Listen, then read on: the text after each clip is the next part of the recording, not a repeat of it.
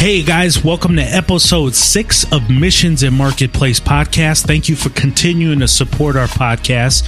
I'm glad that we can bring on such great guests to give us some information and background into what they do. Our most recent one, and this one that we'll be talking to today, she goes by the name of Focused Spender on YouTube. You can go to her website at focusedspender.com or you can find her on YouTube under Focused Spender.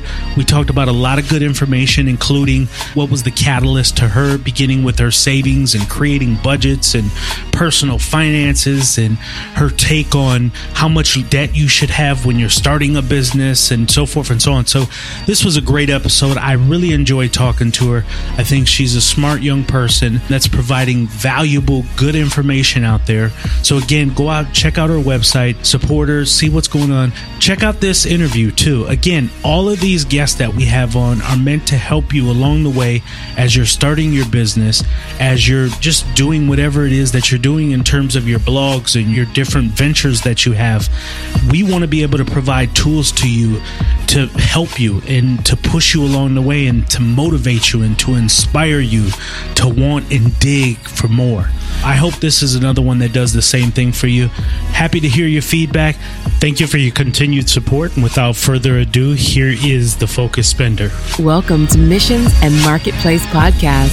Join us as we talk to business and thought leaders to discuss their passions in and outside of business and how it drives them to give and be citizens of goodwill.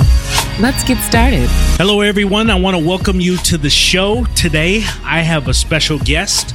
She goes by the name Focused Spender, and we will literally be talking about her name. We will be talking about focusing on your spending. At this time, I'd like to introduce her. Focused Spender, how are you doing today?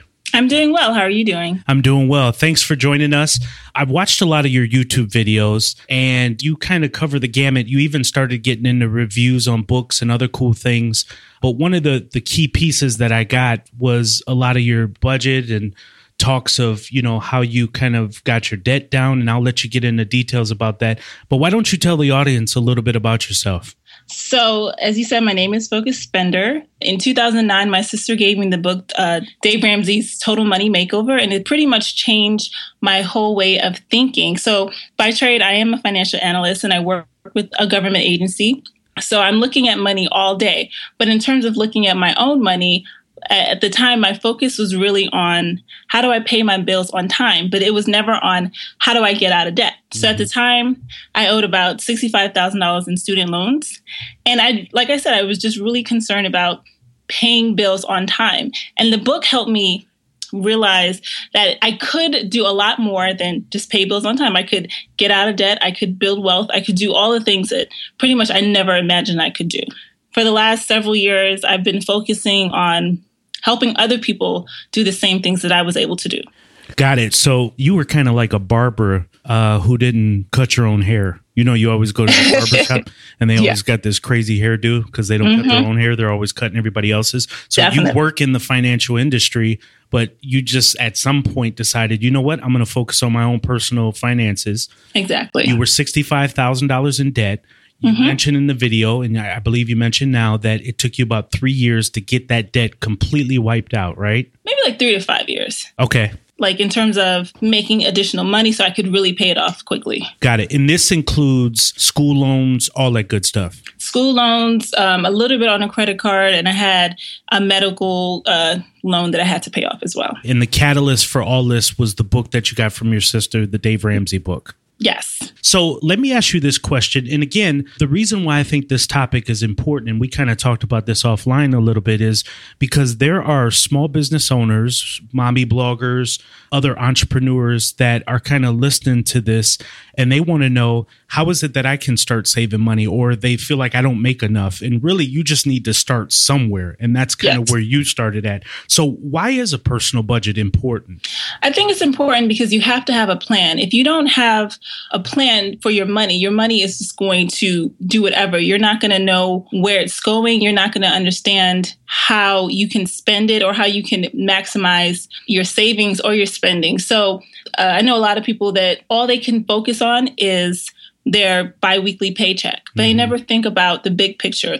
Like, yes, maybe you're only getting $1,100 every two weeks, but that $1,100 is actually a lot of money if you look at it in the bigger scheme. And if you budget, you know, savings once a month, it's a lot easier when you plan in the, in the beginning and start to have a plan around how they want to spend money. And that's, to me, that's a good point, right? Because I think a lot of us, we kind of get caught up with making the money, but we never yes. have a plan on how we want to spend the money. Exactly. A so, lot of times, yeah they may make $50,000 and they say, oh, this is not enough money to live off of. But then they get a raise and all of a sudden they're making $65,000. And all of a sudden $65,000 is, is not enough money to live off of. So it's like, how much is enough? Totally. Anything can be enough as long as you have the right plan for it. That's a really good way of putting it. And that, you know, when I started doing my own personal budget, started looking at my finances with my wife, that's exactly how we seen it was that, look, you know, we're always every year hoping to get that raise, hoping to get more money. But you'll realize at some point that, you know what, really, I have all the money I need. Now, what I need to do is manage it properly. Exactly. Exactly. And so I, I, totally agree with you. Those those are the and I you know again we asked this question because you know a lot of people don't have a personal budget. They just kind of get the money and they spend it kind of as it goes, and then at the end of the year they find themselves in the exact same hole year mm-hmm. over year. And they don't really have a plan for it. And here you are $65,000 getting out of debt after three to five years. That took a plan, though. It probably took some sacrifice. I don't know what you did. Did you shut oh. off cable and your phone and all that stuff? So, when I started it, I had just graduated from grad school. And so, in grad school, I was living off of $1,100 a month I lived alone. So my money went to my rent, mm-hmm. food, and I just couldn't even have luxuries. Like I didn't have cable, I couldn't go on vacation. So when I graduated from grad school and I started making, you know, more money before I read the book, I was so eager to do it all. I wanted to go out, I wanted to travel, I wanted cable, I wanted all of those little luxuries. But then I read the book and I thought, okay, it actually is time for you to scale back a lot. So my friends, they were taking trips to Europe and they're like, You want to come? I said, No.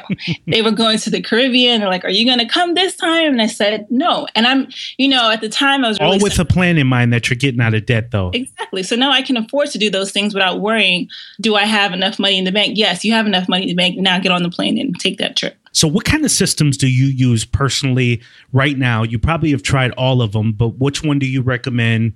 you know, all that good stuff. Is it mint.com? Do you would you rather use Quicken? What are some of the different systems you think work best? I use a combination of mint.com and just Excel. For mint.com, I like to use it because I can easily see what my net worth is. So I, you know, I turn it on and I can see here's your liabilities, here are your assets, and this is how much your net worth is. I can track my day to day spending that I use on like my debit card. But honestly, I really like just using Excel. I use Excel all day at work. So for me, just making a quick budget or just tracking my day to day bills, it's just much easier to do it in Excel. So, you know, Excel is a pretty easy tool to use. And I agree, I use mint.com myself. So for those in debt right now, how do you suggest they get out? I mean, are you still doing Dave Ramsey or are you just kind of so in a system that you have your own little process set up? Well, since I'm out of debt, I'm, re- I'm really not doing anything anymore. It's more, for me at this point, it's more about just making sure I'm investing and I'm saving. But for someone that's trying to get out of debt, one thing that he promotes in his book is called the uh, debt snowball. And that's basically where you line up your debt from the smallest amount to the largest amount. And you tackle the smallest one first. And you put all your extra resources in that smallest one. And for the rest, you pay the minimum. And then once that small one is down, then you take that extra cash that you were using for the small one and use it for the second smallest. And then keep going further. So by the time you're at your last bill or whatever, whatever, what have you, you have a ton of extra money that you can use to really attack that large debt. Totally. So if you have a car loan and you're paying three to five hundred dollars on the car loan, once you pay that car off, you're still taking that three to five hundred dollars and you're not going out partying and popping nope. bottles. but yes. you're, you're applying that to the next bill credit card, whatever it may be, to kind of pay that off. Makes total sense. You have a video that you have um, what you called, or at least you did this for your 2014 resolution, where you called it SMART goals, S M A R T.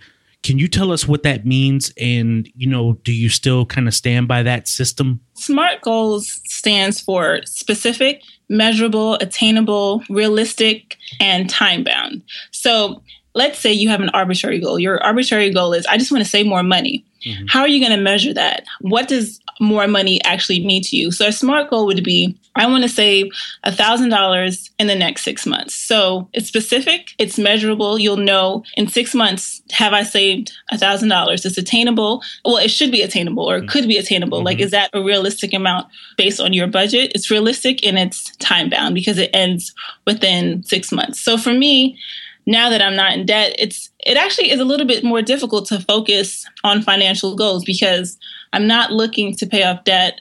I have a co-op. So it's more like, well, what what is the next thing? Do I want to save a specific amount of money for my retirement? Do I want to save money for a mortgage? So I definitely use it when I have something in mind that I want to save for. Yep. And you can use it in any aspect of your life. Not so you use this for vacations, use this for everything. Yep, got it. That's really good. I think that's it's really simple. I love acronyms personally because it's something too. yeah, I do. It's something that you can remember and kind of hold on to as you go ahead. So, you know, we've talked about it. I know you like the Dave Ramsey um, system. That's the first thing that was kind of the catalyst to you saving. So, I'm going to ask a question. I'm going to say why I'm asking this question. Okay. But do you believe the Dave Ramsey system is, I, I don't want to say scammy because I don't think it's scammy at all, but do you think it's cheesy? Yeah, I, am gonna I'm gonna tell you why first, and then I'll, okay. I'll let you answer. So I did the Dave Ramsey thing. Maybe I'm just undisciplined and I'm just I'm no good. I'm a sinner, I guess. but I just could not. First of all, when they started asking to cut up cards and doing all this other mm-hmm. stuff, I was always taught to have some level of debt. You can listen to Suze Orman and mm-hmm. other financial experts that will tell you to have credit card debt is good. So already you're struggling with the fact that you're being told to cut up credit cards. Yeah. And then these little envelope systems that you know as you go along in life especially when you have families and you're on the run. I don't know how you can keep up with the envelope system. So, just generally speaking, how really tangible and good was the Dave Ramsey system for you? So, I have to be honest. I think whenever you're starting out on a system, you have to be realistic with yourself. So when I was doing the Dave Ramsey system, I couldn't even call it Dave Ramsey system 100%. It was a mix of Dave Ramsey, it was a mix of Suze Orman, and it was a mix of myself. So I wasn't using my credit cards, but I did have a credit card. No yep. balance on it, but I had it. And for me, using an envelope system was not going to work. So I used ING. Well, okay. it's no longer ING, it's yep. Capital One. Yep. I, I had too. Multiple, I had multiple savings accounts so that I had like a virtual envelope system. So you have to look at these things. You have to see what actually is going to work for you, and then you have to make it work. But you can't, I can't say that I would have been able to do his system fully 100% because there was just things that just weren't going to work for me. So now we've used your life as an example that the debt that you've got out of took you up to five years. Uh, we talked about the different tools that you use, mint.com. You didn't say Quicken, but Quicken I know is an option that's out yes. there. Yep. You use Excel spreadsheets and you can even download spreadsheets out there. All you got to do is put out free budget yes, Excel spreadsheets. Yeah, and you can kind of tweak it to your own thing. That's what I've done in the past. So you talked about the debt snowball, taking what you've applied towards a credit card, for example, and sending it over. So now would you say that if a business owner or someone who wants to start a business, should they start a business knowing that they have some level of debt over them? And then kind of extrapolate from that a little bit and tell me how much level of debt. So is it okay to start a business and have a school loan and a car? Or do you think you should be absolutely where you're at right now, debt free? and then start a business. Which kind of your take on that? And again, I know this is personal. I know you're not yes. saying this from a standpoint of like here's how I started my business, but just generally speaking? I think it really depends on what type of business, whether or not you're going to be quitting your job and doing this business full time. And it also depends on how much money you're going to invest. Because I think it's dangerous as a small business owner if, you know, you have $50,000 worth of debt and you decide to quit your job and work the business full time because it's going to take a long time before your business is starting a you know turning a profit. Um, so i think if you got rid of your car loan that'd be okay. If you got rid of like your consumer debt yeah the, like consumer debt car loan mortgage is probably not as realistic. But I think it's very important before you take a leap and start a business and leave your job that you have some type of financial cushion. You don't want debt collectors calling you. And you also need to have some type of an emergency fund just in case it takes a really long time before you're able to even pay yourself. That's a really good point. Because I think, you know, because I always tell people when they want to start a business, if you're struggling and you have a job, you're probably going to struggle not having a job. Exactly. So the best thing to do is kind of put things into practice before you even leave that job or whatever the case is. So you know, with all the things that you just talked about with the debt snowball and and and you know maybe trying a mishmash of different systems, whether it's Suze Orman or or um, Dave Ramsey or whatever it may be, you know, see if you can do that with the job. That way, you know you can properly manage it without. And exactly the emergency fund is key. So I would definitely make sure I have the emergency fund at least three to six months worth of money. Totally three to six months is definitely a good start and, and, probably typical of what most people say. So I found you on YouTube. And again, you have great videos out there. A lot of them is kind of what we talked about today here. Um, a lot of good practical advice. Um, obviously, you know, there's a lot of people looking for this kind of advice because the the um, you know your views were pretty up there. So talk about how other people can find you and and you know what some other resources that you have out there for them. So I am on YouTube, like you said. Um, just just type in Focused Spender, and I just started a website www.focusedspender.com, and I'm on Twitter, same name, Focused Spender. So all three ways you can find me. Um, other resources.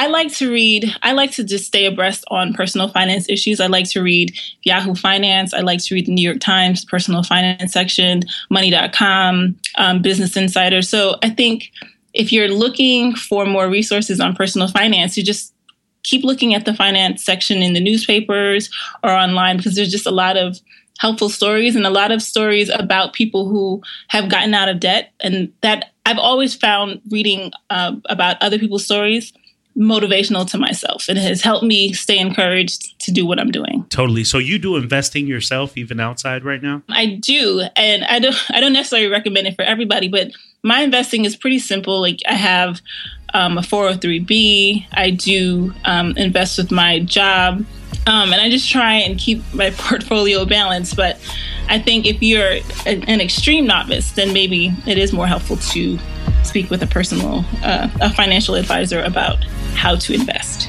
That's really awesome. Well, you've been really helpful. I really appreciate it. Thanks for all this good information.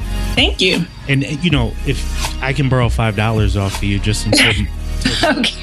my bank. I don't know. I think you can afford that. All right. Appreciate it. Thank you.